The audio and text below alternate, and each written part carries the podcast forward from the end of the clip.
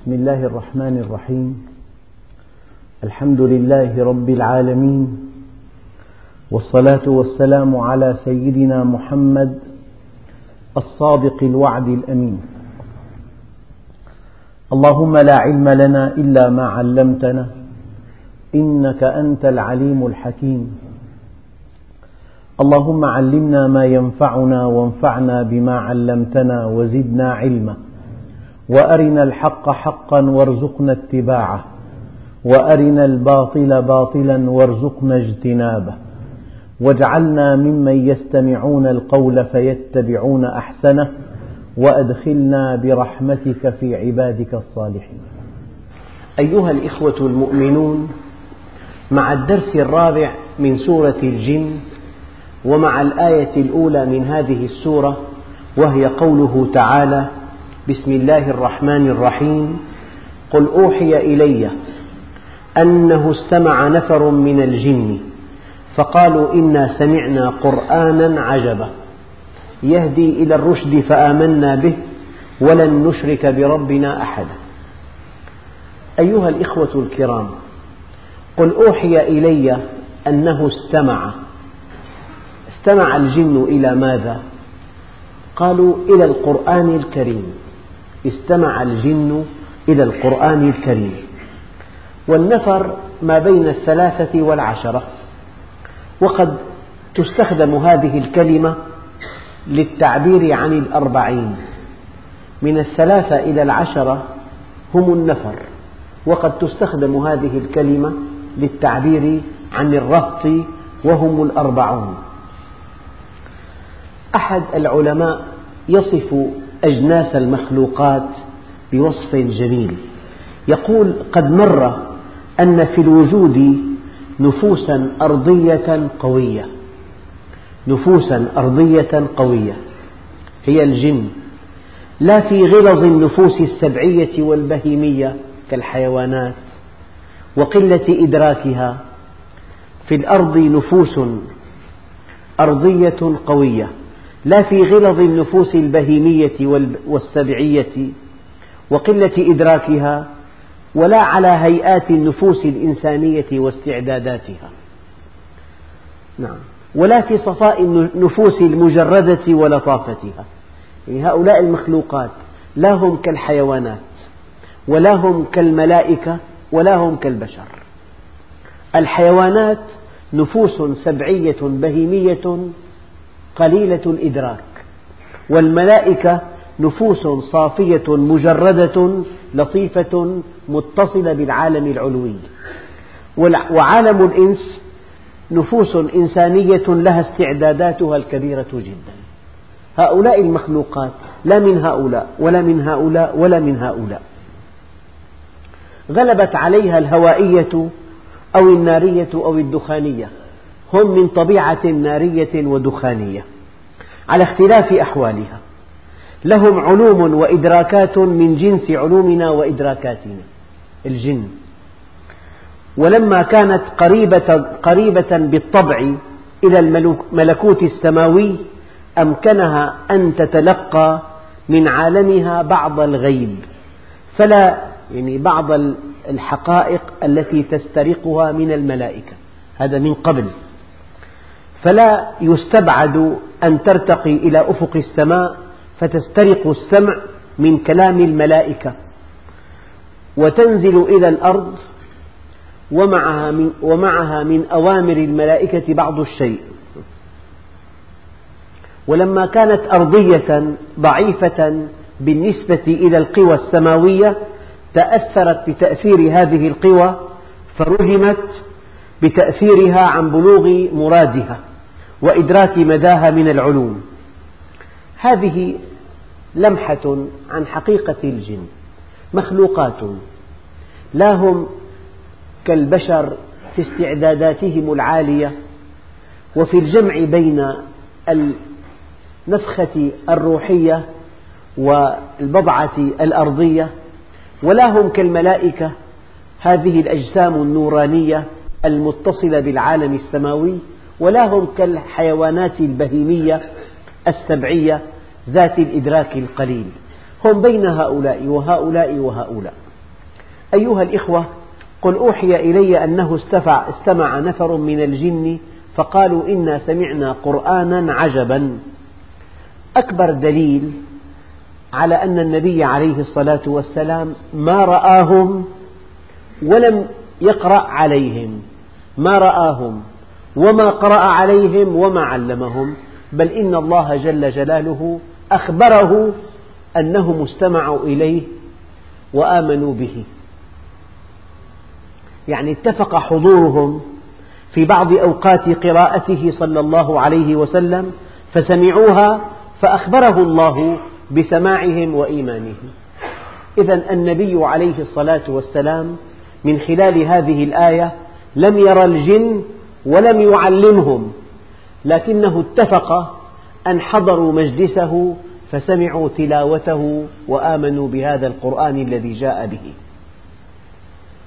وأنهم لما رجعوا إلى قومهم قالوا إنا سمعنا قرآنا أي كتابا جامعا للحقائق الإلهية والكونية وللأحكام وللمواعظ. وجميع ما يحتاج إليه في أمر الدارين الدار الدنيا والدار الآخرة. إنا سمعنا قرآنا عجبا. عجبا أي أسلوبه فوق أسلوب البشر ليس من كلام البشر بل من عند خالق البشر. إذا أن إنا سمعنا قرآنا عجبا أي جامعا للحقائق الإلهية والكونية وللحكم والأحكام والمواعظ وهذا القرآن فيه كل ما يحتاجه الإنسان في الدارين في دار الدنيا ودار الآخرة. وأما كلمة عجبا أي غريبا ليس في مستوى عبارة الخلق بل في مستوى عبارة خالق الأكوان. يهدي إلى الرشد أي إلى الحق والصواب. بل إلى سبيل السعادة والسلامة في الدنيا والآخرة فآمنا به. إذا هم مكلفون أن يؤمنوا. ولن نشرك بربنا أحدا لا من خلقه ولا في عبادته. إذا قل أوحي إلي أنه استمع نفر من الجن فقالوا إنا سمعنا قرآنا عجبا يهدي إلى الرشد. والإنسان حينما يؤمن بالله عز وجل ويستقيم على أمره فقد اهتدى إلى رشده. والإنسان حينما يشعر أنه على صواب وأنه على منهج واضح وأنه في طريقه إلى سعادة أبدية وأن الجنة هي دار القرار وأن الجنة هي التي خلق الإنسان من أجلها إذا شعر أنه نحو الهدف الصحيح وعلى الطريق الصحيح يشعر بسعادة لا توصف. روى الإمام البخاري في صحيحه عن ابن عباس رضي الله عنه. قال انطلق رسول الله صلى الله عليه وسلم في طائفة من أصحابه عامدين إلى سوق عكاظ وقد حيل بين الشياطين وبين خبر السماء. كان الجن والشياطين كانوا يسترقون السمع من أخبار السماء. بعد بعثة النبي عليه الصلاة والسلام حيل بين الشياطين وبين خبر السماء وأرسلت عليهم الشهب إلا من استرق السمع فأتبعه شهاب ثاقب. فرجعت الشياطين فقالوا ما لكم؟ لقد حيل بيننا وبين خبر السماء منعنا من خبر السماء. وأرسلت علينا الشهب قال ما حال بينكم وبين خبر السماء إلا شيء قد حدث. فاضربوا مشارق الأرض ومغاربها. فانظروا ما الأمر الذي حدث. فانطلقوا فضربوا مشارق الأرض ومغاربها. ينظرون ما هذا الأمر الذي حال بينهم وبين خبر السماء. قال فانطلق الذين توجهوا نحو تهامة إلى رسول الله صلى الله عليه وسلم بنخلة وهو عامد إلى سوق عكاظ وهو يصلي بأصحابه صلاة الفجر. فلما سمعوا القرآن تسمعوا له فقالوا هذا الذي حال بينكم وبين خبر السماء.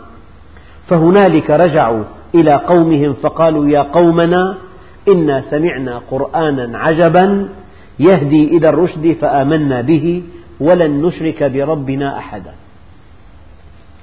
ماذا نستفيد من هذه الآية؟ يعني الإنسان إذا قامت أمامه الحجج والأدلة والبراهين على أن هذا الدين حق وعلى أنه الصراط المستقيم وعلى أنه حبل الله المتين وعلى أنه طريق السلامة والسعادة ما الذي يمنعك أن تتمسك به ما الذي يمنعك أن تحاول الحفاظ عليه ما الذي يمنعك أن تصطلح مع الله؟ ما الذي يمنعك أن تقيم الإسلام في بيتك؟ ما الذي يمنعك أن تقيم الإسلام في عملك؟ ما الذي يمنعك أن تنطلق إليه؟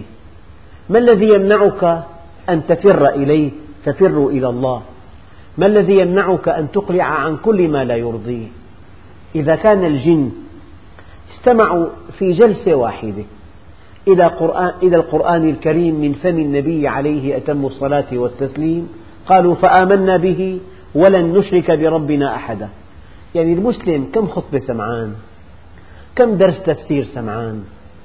كم درس حديث؟ كم درس سيرة؟ كم درس فقه؟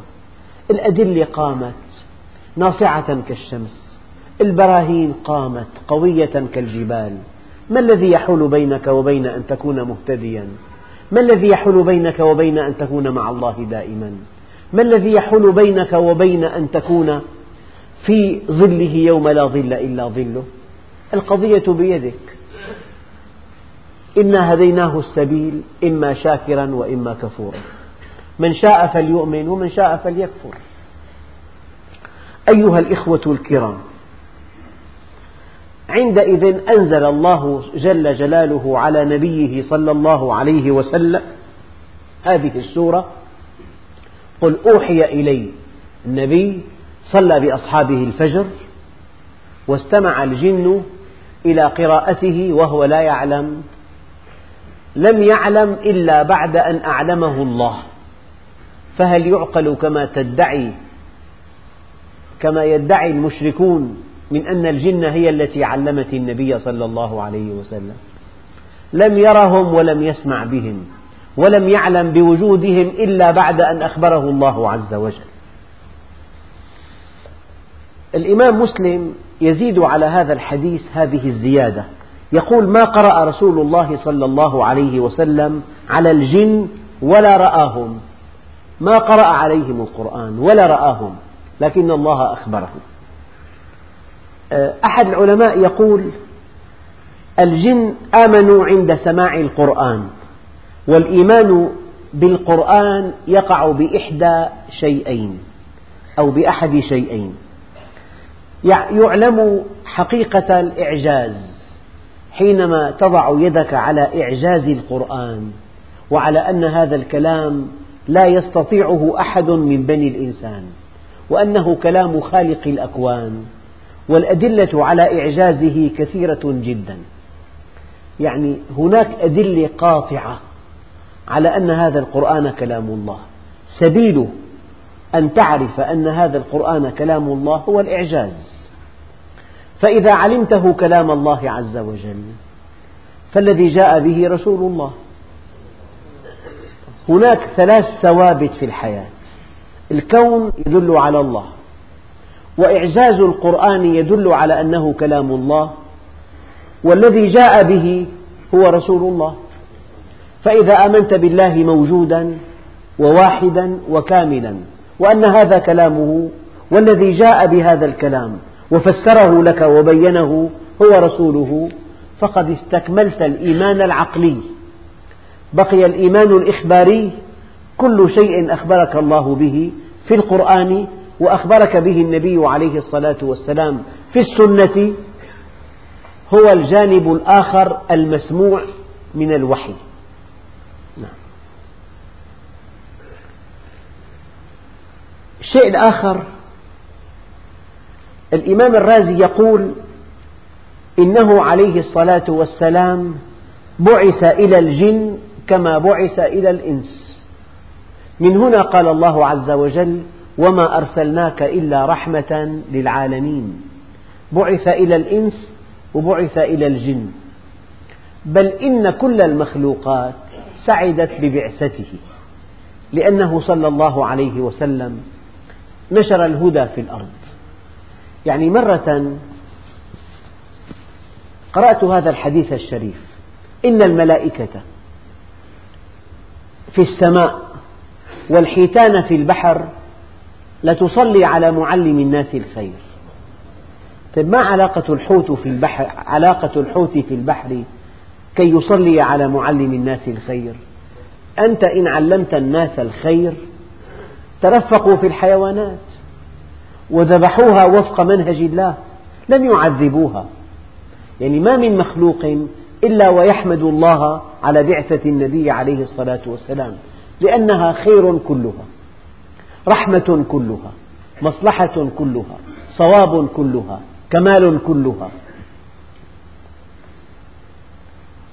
الشيء الأول أن الرسول عليه الصلاة والسلام بعث إلى الجن كما بعث إلى الإنس. والشيء الثاني أن الله جل جلاله أراد أن يعلم قريشا أن الجن مع تمردهم لما سمعوا القرآن عرفوا إعجازه فآمنوا به وبرسوله. فهؤلاء الفصحاء البلغاء الذي جاء القرآن بلغتهم ما بالهم يكذبونه؟ الجن آمنت به. لو أنزلنا هذا القرآن على جبل لرأيته خاشعا متصدعا من خشية الله. يعني إنسان من المخلوقات المتميزة. التي أعطاها الله قوة إدراكية. الجن يستمعون إلى القرآن فيؤمنوا به ولن يشركوا بربهم أبدا. وكل من في السماوات والأرض يسبح الله عز وجل. وهذا الإنسان الذي سخر له الكون كله هو وحده الغافل. وهذه السورة تؤكد لنا أن الجن مكلفون كالإنس تماما. سنفرغ لكم أيها الثقلان فبأي آلاء ربكما تكذبان. إذا أراد الله عز وجل من هذه السورة أن يعلم القوم أن الجن مكلفون كالإنس تماما. وأراد الله جل جلاله كما قال الإمام الرازي أن يعلم أن الجن يستمعون إلى كلامنا. ويفهمونه. ويفهمون لغاتنا كلها. نعم. وشيء آخر هو أن بعض الجن الذين آمنوا يدعو غيره من قبيلته إلى الإيمان. قالوا إنا سمعنا قرآنا عجبا يهدي إلى الرشد فآمنا به ولن نشرك بربنا أحدا. شيء آخر أن هؤلاء الجن لما سمعوا القرآن ووفقوا للتوحيد والإيمان تنبهوا على الخطأ فيما اعتقده كفرة الجن من تشبيه الله بخلقه واتخاذه صاحبة وولدا فاستعظموه ونزهوه عن ذلك. معناها الجن ما كل شيء قالته صوابا. ما كل شيء قالته الجن هو صواب. وهذه ناحية دقيقة جدا. يعني ما كل شيء تسمعه صحيح. ما كل كتاب تقرأه صحيح. هناك كتب فيها ضلالات وهناك قصص كلها ضلالات وهناك مقولات كلها خطأ. فالإنسان عليه أن يختار الحق وأن يصطفي وأن يتخذ مقياسا لتلقي الحقائق. أما أن يبقى هكذا يقبل ما يسمع بحسب المرء من الشر أن يحدث بكل ما سمع لأن الذي تسمعه قد لا يكون صوابا.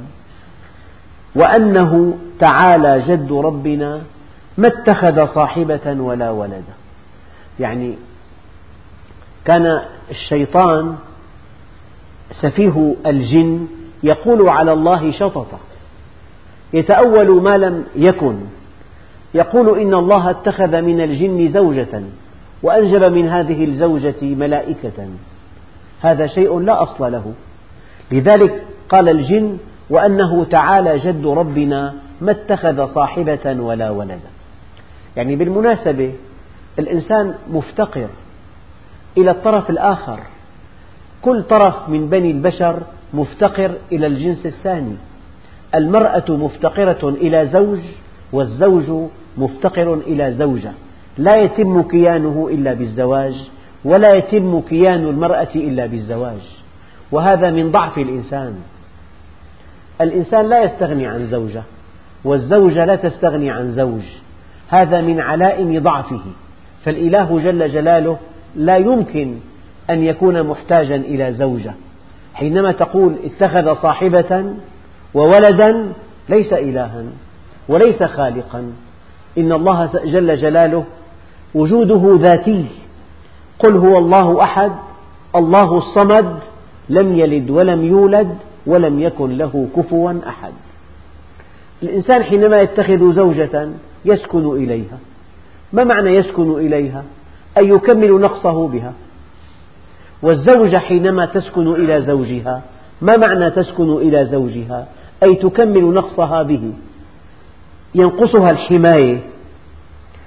ينقصها رجل يقودها إلى الصواب. ينقصها رجل يحميها. ينقصها رجل يسعدها. ينقصها رجل تكون تحت جناحه. هو تنقصه أنثى يرتاح إليها يطمئن إليها يسكن إليها. الرجل والمرأة متكاملان. فلذلك الإنسان لضعفه يحتاج إلى زوجة تؤنسه. والمرأة لضعفها تحتاج إلى زوج يسعدها وكلاهما مفتقر إلى الآخر. هذا لا يليق بالله عز وجل وأنه تعالى جد ربنا ما اتخذ صاحبة ولا ولدا. الجد بمعنى الحظ يعني فلان ذو جد في هذا الأمر إذا كان له حظ كبير فيه. والمعنى أن الله سبحانه وتعالى جل جلاله وعز نواله حظه من الملك والسلطان والقدرة لا حدود له. بيده الأمر. على كل شيء قدير. يعلم السر وأخفى. لا يعجزه شيء في السماوات ولا في الأرض. فربنا جل جلاله يعني حظه وأنه تعالى جد ربنا يعني من كل شيء. من القوة. من الغنى من العلم من القدرة من الرحمة من الحكمة وأنه تعالى جد ربنا. الإله العظيم الواحد الأحد الفرد الصمد لا يليق به أن يتخذ صاحبة وولدا وأنه تعالى جد ربنا ما اتخذ صاحبة ولا ولد. الإنسان أودعت فيه شهوة. يشعر أنه بحاجة إلى تلبيتها. يبحث عن زوجة. هذا ضعف فيه. الذي ينطلق بدافع من شهوة يلبي هذه الشهوة فيتزوج. هذا إنسان ضعيف. أما الإله جل جلاله لا يليق به أن تكون له زوجة ولا ولد. والولد قد يأتي ثمرة لهذا الزواج. فربنا عز وجل منزه عن أن يتخذ ولدا وعن أن يتخذ زوجة وأنه تعالى جد ربنا يعني أسماؤه الحسنى ذاته الكاملة لا يليق بها أن تتخذ زوجة. يعني أحيانا الأخ بنشب خلاف مع زوجته. تبتعد عنه أسابيع يتضايق. ويبتعد عنها أسابيع فتتضايق. هي مفتقرة إليه وهو مفتقر إليها. وهذا من شأن الإنسان. لكن الله سبحانه وتعالى لكن الله الواحد الديان ليس هذا من شأنه. وأنه تعالى جد ربنا ما اتخذ صاحبة ولا ولدا. قال بعض العلماء على ملك ربنا وسلطانه وقدرته وعظمته على عن أن يكون ضعيفا ضعف خلقه تضطرهم الشهوة إلى اتخاذ صاحبة أو وقاع إلى شيء يكون منه الولد. هذا لا يليق بالله عز وجل. وأنه كان يقول سفيهنا على الله شططا سفيه سفيههم يعني مضلهم ومغويهم. والشطط القول ذو الشطط أي القول المنحرف عن الحقيقة. الكلام الكاذب الكلام الذي فيه افتراء الكلام غير الصحيح الذي لا يطابق الواقع قال هذا شطط وأنه كان يقول سفيهنا على الله شططا. أصل الشطط مجاوزة الحد. الكلام إذا جاوز الحد الصحيح صار شططا. وأنا ظننا أن لن تقول الإنس والجن على الله كذبا. يعني كانوا يعتقدون أن كل شيء يقال هو الصحيح. وهذا مرض في الإنسان مرض خطير أنه كل شيء قرأوا صحيح كل شيء سمعوا صحيح كل شيء قالوا إنسان صحيح. هذا الإنسان إمعة قال عليه الصلاة والسلام لا يكن أحدكم إمعة يعني وعاء يستقبل كل شيء. معظم الناس في لقاءاتهم في سهراتهم في اجتماعاتهم في ولائمهم بينقل كل شيء سمعه كالآلة. ما في عنده تدقيق فحص تمحيص. ما عنده ميزان دقيق. هالقصة غير صحيحة؟ هالخبر كاذب؟ هذا الرقم فيه مبالغة. هذا الشيء لا يليق بكمال الله. تلاقي يلقون على الناس قصص ما أنزل الله بها من سلطان. خرافات ليس لها قيام. آه، كلام ليس له دليل ومع ذلك يصدق. وهذا مرض خطير. يعني في إن صح التعبير في ضخ معلومات كثيف جدا في هذا العصر. يعني ممكن تسمع بربع ساعة أخبار العالم وتحليلات وقد تكون هذه التحليلات غير صحيحة وقد تكون هذه الدراسات هادفة. لخلق شعور معين عند المستمع. قد تقرأ كتاب كله ضلالات كله كذب وافتراء. قد تستمع إلى محاضرة في نادي إلى محاضرة في مكان في مكتبة. كل ما قيل في هذه المحاضرة لا ينتمي إلى الحقيقة بصلة.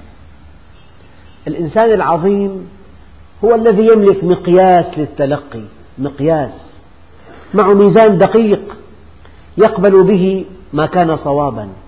يرد به ما كان خطأ أما أن يكون الإنسان وعاء للتلقي وهذا شأن معظم الناس. سمع. يقول لك ما سمع. بلا تمحيص بلا دراسة بلا تحليل بلا دليل أحيانا. إن جلست جلسة وما أكثر هذه الجلسات وجاء موضوع الجن يا لطيف. تستمع إلى قصص ما أنزل الله بها من سلطان. وكأن الجن آلهة وكأن الجن يفعلون ما يريدون لا يعجزهم شيء يعني شيء مو معقول. لذلك هذه السورة مهمة جدا لئلا يقع المسلمون في أوهام في مبالغات في ترهات. جاءت هذه السورة لتضع حدا لهؤلاء المخلوقات الذين هم الجن. وأنه كان يقول سفيهنا على الله شططا وأنا ظننا أن لن تقول الإنس والجن على الله كذبا هي سذاجة. أنه أنا هيك سمعت هيك قالوا. يعني بيقرأ مقالة أن الربا لا شيء فيه. أستاذ فلان قال عالم كبير بمصر قال ما في شيء الربا. هو شخص عبارة عن وعاء. كل شيء يصب في هذا الوعاء يقبله. لذلك العلم قال لعالم واحد أشد على الشيطان من ألف عابد. عالم واحد. كن عالما أو متعلما أو مستمعا أو محبا ولا تكن الخامسة فتهلك. وأنه كان يقول سفيهنا على الله شططا وأنا ظننا أن لن تقول الإنس والجن على الله كذبا. اعلموا علم اليقين أن هناك من يكذب على الله وأن هناك من يكذب على رسول الله. وأن هناك من يعطي أفكارا لا أصل لها ليس لها أصل في الواقع وأن الضلالات منتشرة في كل مكان وأن السعيد الذي يوفق إلى الصواب ولو كان قليلا ولا ولا تفرح بأن معظم الناس يعتقدون بهذا وإن تطع أكثر من في الأرض يضلوك عن سبيله وإن تطع أكثر من في الأرض يضلوك عن سبيل الله. إن يتبعون إلا الظن وإن الظن لا يغني من الحق شيئا. الله عز وجل في هذه الآية الكريمة القاطعة في دلالتها يبين أن أكثر أهل الأرض في ضلالات ما بعدها ضلالات. وقد قال عليه الصلاة والسلام بدأ الدين غريبا وسيعود كما بدأ فطوبى للغرباء. أناس صالحون في قوم سوء كثير. وأنه كان رجال من الإنس يعوذون برجال من الجن فزادوهم رهقا.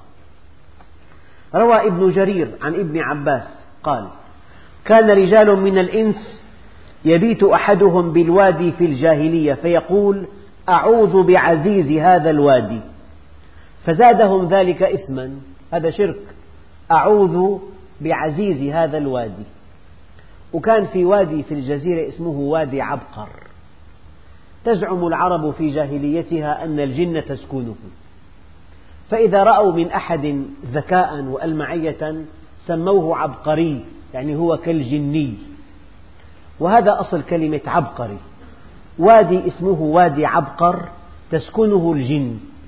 فإن لمحوا من إنسان ذكاء وفطنة وحركة غريبة قالوا هذا عبقري يعني جني. نعم. كان أحدهم إذا نزل الوادي يقول أعوذ بعزيز هذا الوادي. فزادهم ذلك إثما. وكان العرب يعتقدون في جاهليتهم أن الوديان مقر الجن وأن رؤساءها رؤساء الجن تحميهم منهم. كانوا إذا نزلوا الوادي قالوا نعوذ بسيد هذا الوادي من شر ما فيه. فتقول الجن ما نملك لكم ولا لأنفسنا ضرا ولا نفعا. تقول الجن ما نملك لكم ولا لأنفسنا ضرا ولا نفعا. هذه الحقيقة. هذا الجاهل يقول أعوذ بعزيز هذا الوادي أعوذ بسيد هذا الوادي والجن يقولون لا نملك لكم ولا لأنفسنا نفعا ولا ضرا. إذا كان سيد الخلق وحبيب الحق يقول لا أملك لكم نفعا ولا ضرا بل إنه لا يملك لنفسه نفعا ولا ضرا. فمن باب أولى ألا يملك لغيره شيئا. وعن الربيع بن أنس كانوا يقولون فلان من الجن رب هذا الوادي. فكان أحدهم إذا دخل الوادي يعوذ برب هذا الوادي من دون الله فيزيدهم ذلك رهقا أي خوفا يدخل للوادي ويقول أعوذ بعزيز هذا الوادي أو أعوذ برب هذا الوادي أو أعوذ بسيد هذا الوادي فيزداد خوفا وهلعا فزادوهم رهقا يعني الخوف رهقهم أي أتعبهم وتغشاهم. فلما جاء الإسلام عاذوا بالله وتركوهم. قل أعوذ برب الفلق من شر ما خلق ومن شر غاسق إذا وقب ومن شر النفاثات في العقد ومن شر حاسد إذا حسد. قل أعوذ برب الناس ملك الناس إله الناس من شر الوسواس الخناس الذي يوسوس في صدور الناس من الجنة والناس. المعوذتان حلتا محل كل استعاذة يستعيذها العرب في الجاهلية. ولا نملك كمسلمين حيال الجن إلا أن نستعيذ بالله منهم. واستعاذتنا بالله سلاح ماض فتاك. لا تحتاج إلى شيء آخر. لا إلى شيخ ولا إلى إنسان خبير بالجن ولا إلى إنسان يخرج لك الجن ولا إلى إنسان يبطل السحر لا تحتاج إلا إلى هاتين الآيتين.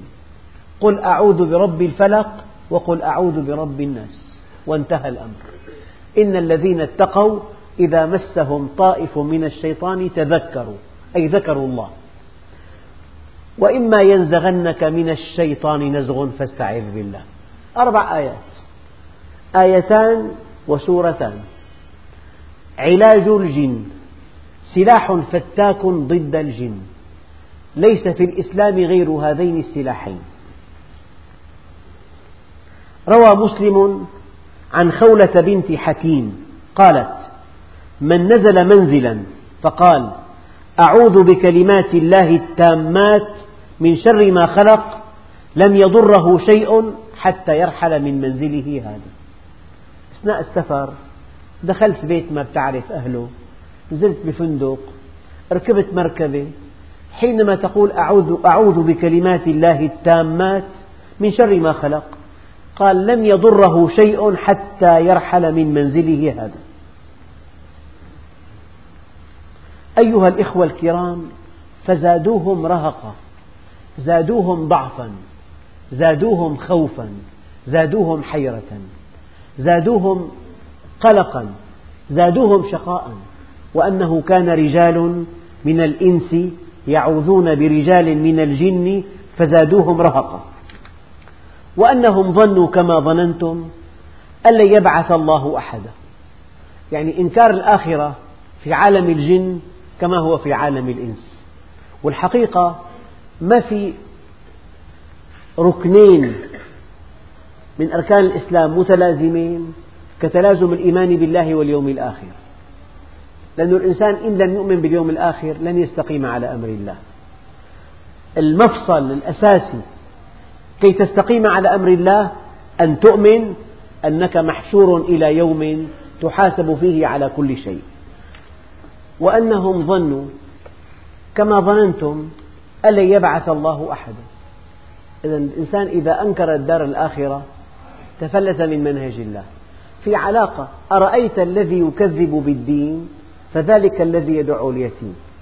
لن تستقيم على أمر الله استقامة تامة إلا إذا علمت علم اليقين أن الله سيحاسبك على كل شيء وأنك واقف بين يديه ولن تستطيع التفلت من بين يديه وأنه يعلم وسيحاسب وإما أن يكون الإنسان في جنة لا ينتهي نعيمها أو في دار لا ينفذ عذابها.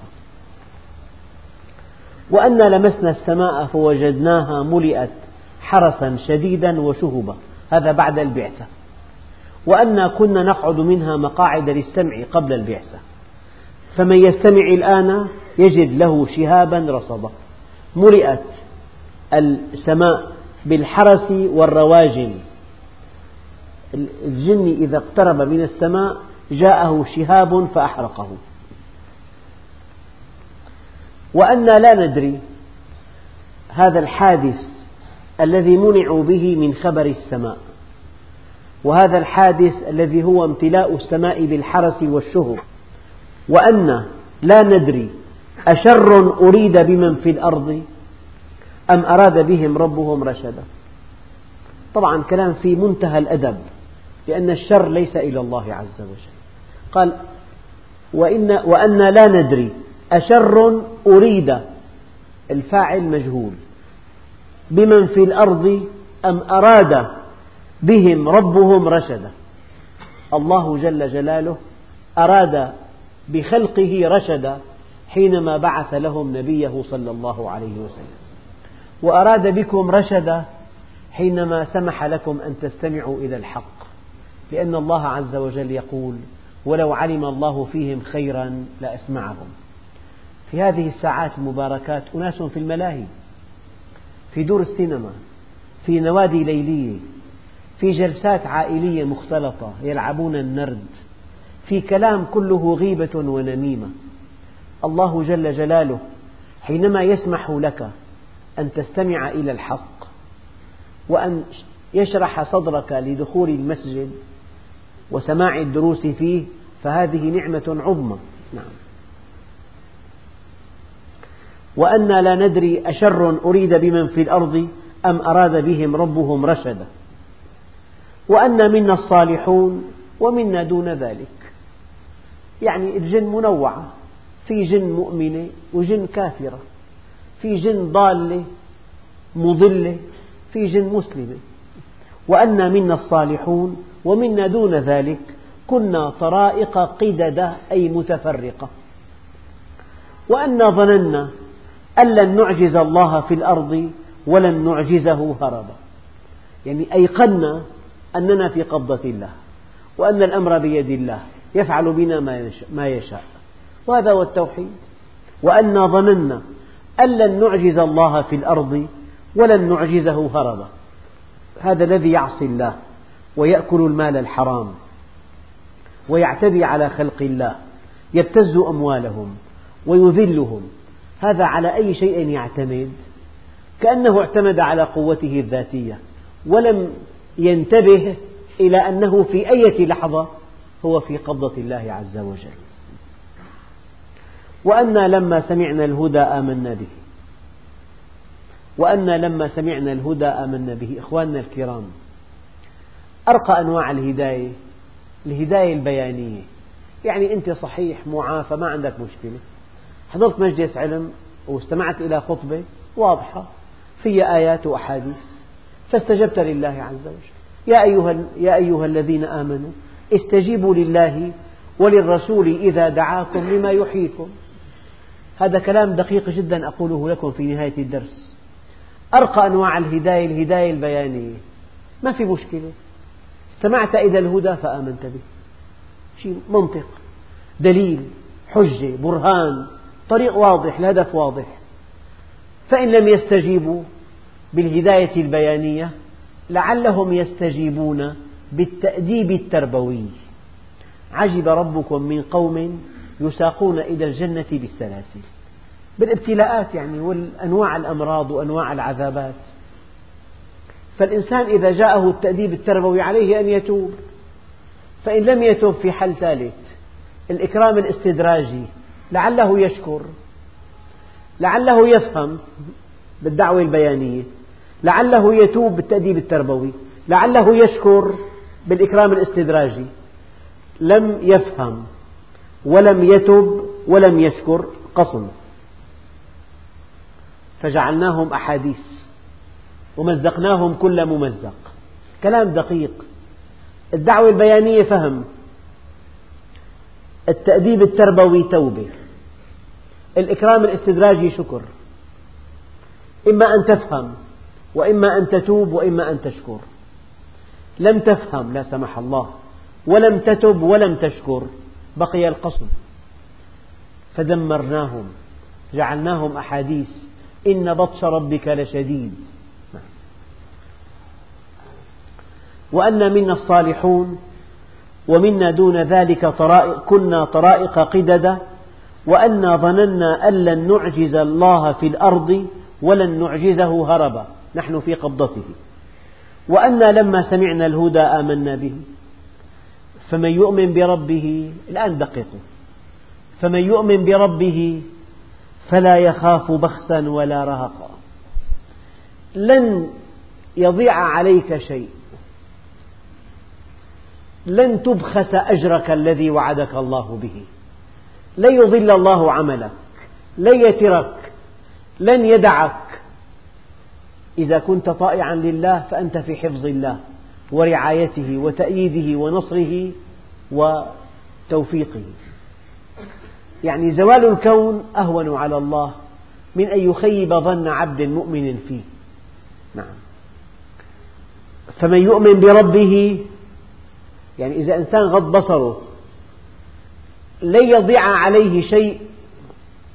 تأتيه الدنيا وهي راغمة. يملأ الله قلبه غنى ويسعده بزوجة صالحة.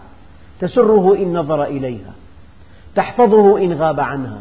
تطيعه إن أمرها. كل شيء بحسابه. آية دقيقة جدا. ومن يؤمن فمن يؤمن بربه فلا يخاف بخسا. لا تخف أن تضيع الدنيا من يدك تأتيك وهي راغمة. لا تخف أن تكون أقل حظا من غيرك. أنت المتفوق وأنت السعيد وأنت المتوازن وأنت المطمئن وأنت الآمن وأنت الموفق وأنت المنتصر هكذا. فمن يؤمن بربه فلا يخاف بخسا يعني أن يبخسه الله عمله. أنت ضحيت وآثرت وطلبت العلم وغيرك طلب الجهل. أنت آثرت الاستقامة غيرك كان متفلت. أنت آثرت الإنفاق غيرك أمسك من سابع المستحيلات أن يستوي هذا مع هذا. أم حسب الذين اجترحوا السيئات أن نجعلهم كالذين آمنوا وعملوا الصالحات. سواء محياهم ومماتهم ساء ما يحكمون. أن يستوي المستقيم مع المنحرف والصادق مع الكاذب والأمين مع الخائن والمحسن مع المسيء هذا يتناقض مع وجود الله. وعندئذ ينبغي أن تؤمن بعدها بالعبثية. والله عز وجل ينفي العبثية. قال أفحسبتم أنما خلقناكم عبثا؟ وأنكم إلينا لا ترجعون. فتعالى الله الملك الحق. لا إله إلا هو عليه توكلت وهو رب العرش العظيم. أيحسب الإنسان أن يترك سدى؟ فمن يؤمن بربه كلام لنا جميعا. فلا يخاف بخسا أن يظلم ولا رهق أن تأتيه شدة. أبدا إن آمنت بالله لن يضيع عليك شيء. قل دائما هذه الكلمة يا ربي ماذا فقد من وجدك؟ ما فقد شيئا. وماذا وجد من فقدك؟ ما وجد شيئا. إذا كان الله معك فمن عليك وإذا كان عليك فمن معك. لعل هذه الآية يعني من من أبرز ما في هذه السورة. فمن يؤمن بربه فلا يخاف بخسا ولا رهقا. تعففت عن مال حرام لن تكون فقيرا. أنت تعففت عن هذا المال ورعا وطاعة لله لن تكون فقيرا. ما ترك عبد شيئا لله إلا عوضه الله خيرا منه في دينه ودنياه. تعففت عن الحرام بالمعنى الثاني. لن تكون شقيا بزوجتك. تعففت عن عمل لا يرضي الله لن تكون مهانا في مجتمعك. أنت الفائز وأنت الرابح وأنت الناجح وأنت المتفوق وأنت الفالح بطاعتك لله. فمن يؤمن بربه فلا يخاف بخسا ولا رهقا وأنا منا المسلمون ومنا القاسطون القاسطون الظالمون.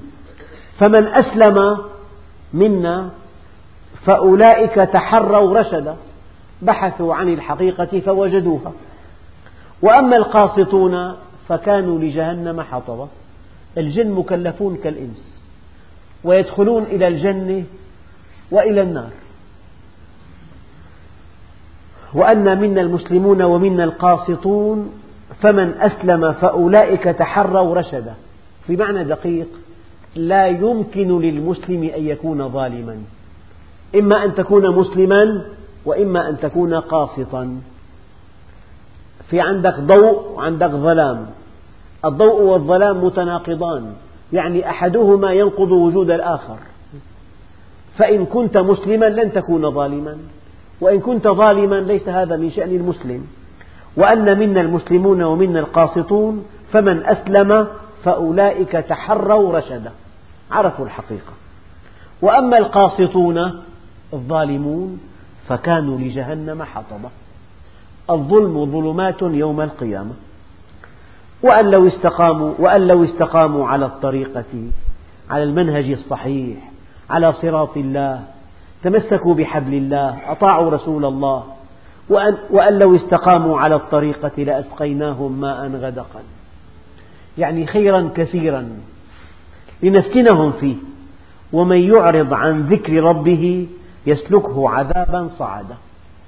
إذا الإنسان أعرض عن ذكر الله تأتيه المشكلات والمضايقات والصعوبات والمصائب والأزمات والخوف والإرهاق والقلق قال له عظني ولا تطل. قال له قل آمنت بالله ثم استقم قال أريد أخف من ذلك.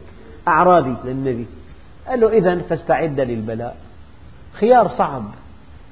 إما أن تستقيم وإما فاستعد للبلاء. وهي الآية. ومن يعرض عن ذكر ربه يسلكه عذابا صعدا. الله عز وجل يسيره في طريق كل متاعب كل ألغام كل انفجارات. كل هموم كل أحزان كل إحباطات كل قلق. تفضل. إن ذكرت الله كنت في أمن ودعة ألا بذكر الله تطمئن القلوب. وإن أعرضت عن ذكر الله يسلك الله بالإنسان عذابا صعدا. يعني من صعوبة إلى أشد. كما يفعل الطبيب. أعطاه دواء عيار خمسين ما استفاد عيار مية. ما استفاد خمسمية ألف. كلما جاءه جاءته شدة كي تردعه فلم يستجب لهذه الشدة جاءته شدة أعلى وهكذا. هذا كلام دقيق كلام واضح كالشمس. إما أن نستقيم على أمر الله وإما أن يأتينا العذاب صعدا. هذا كلام رب العالمين. هذا حل حقيقي. وأن منا المسلمون ومنا القاسطون. فمن أسلم؟ فأولئك تحروا رشدا. يعني بحثوا عن الصواب فأصابوه. بحثوا عن الحقيقة فأدركوها. بحثوا عن سبل السعادة فوصلوا إليها. وأما القاسطون فكانوا لجهنم حطبا وأن لو استقاموا على الطريقة لأسقيناهم ماء غدقا. يأتيهم التوفيق والدعم والنصر والحفظ والأمن. هذا كله من نتائج الاستقامة. لنفتنهم فيه. ومن يعرض عن ذكر ربه يسلكه عذابا صعدا.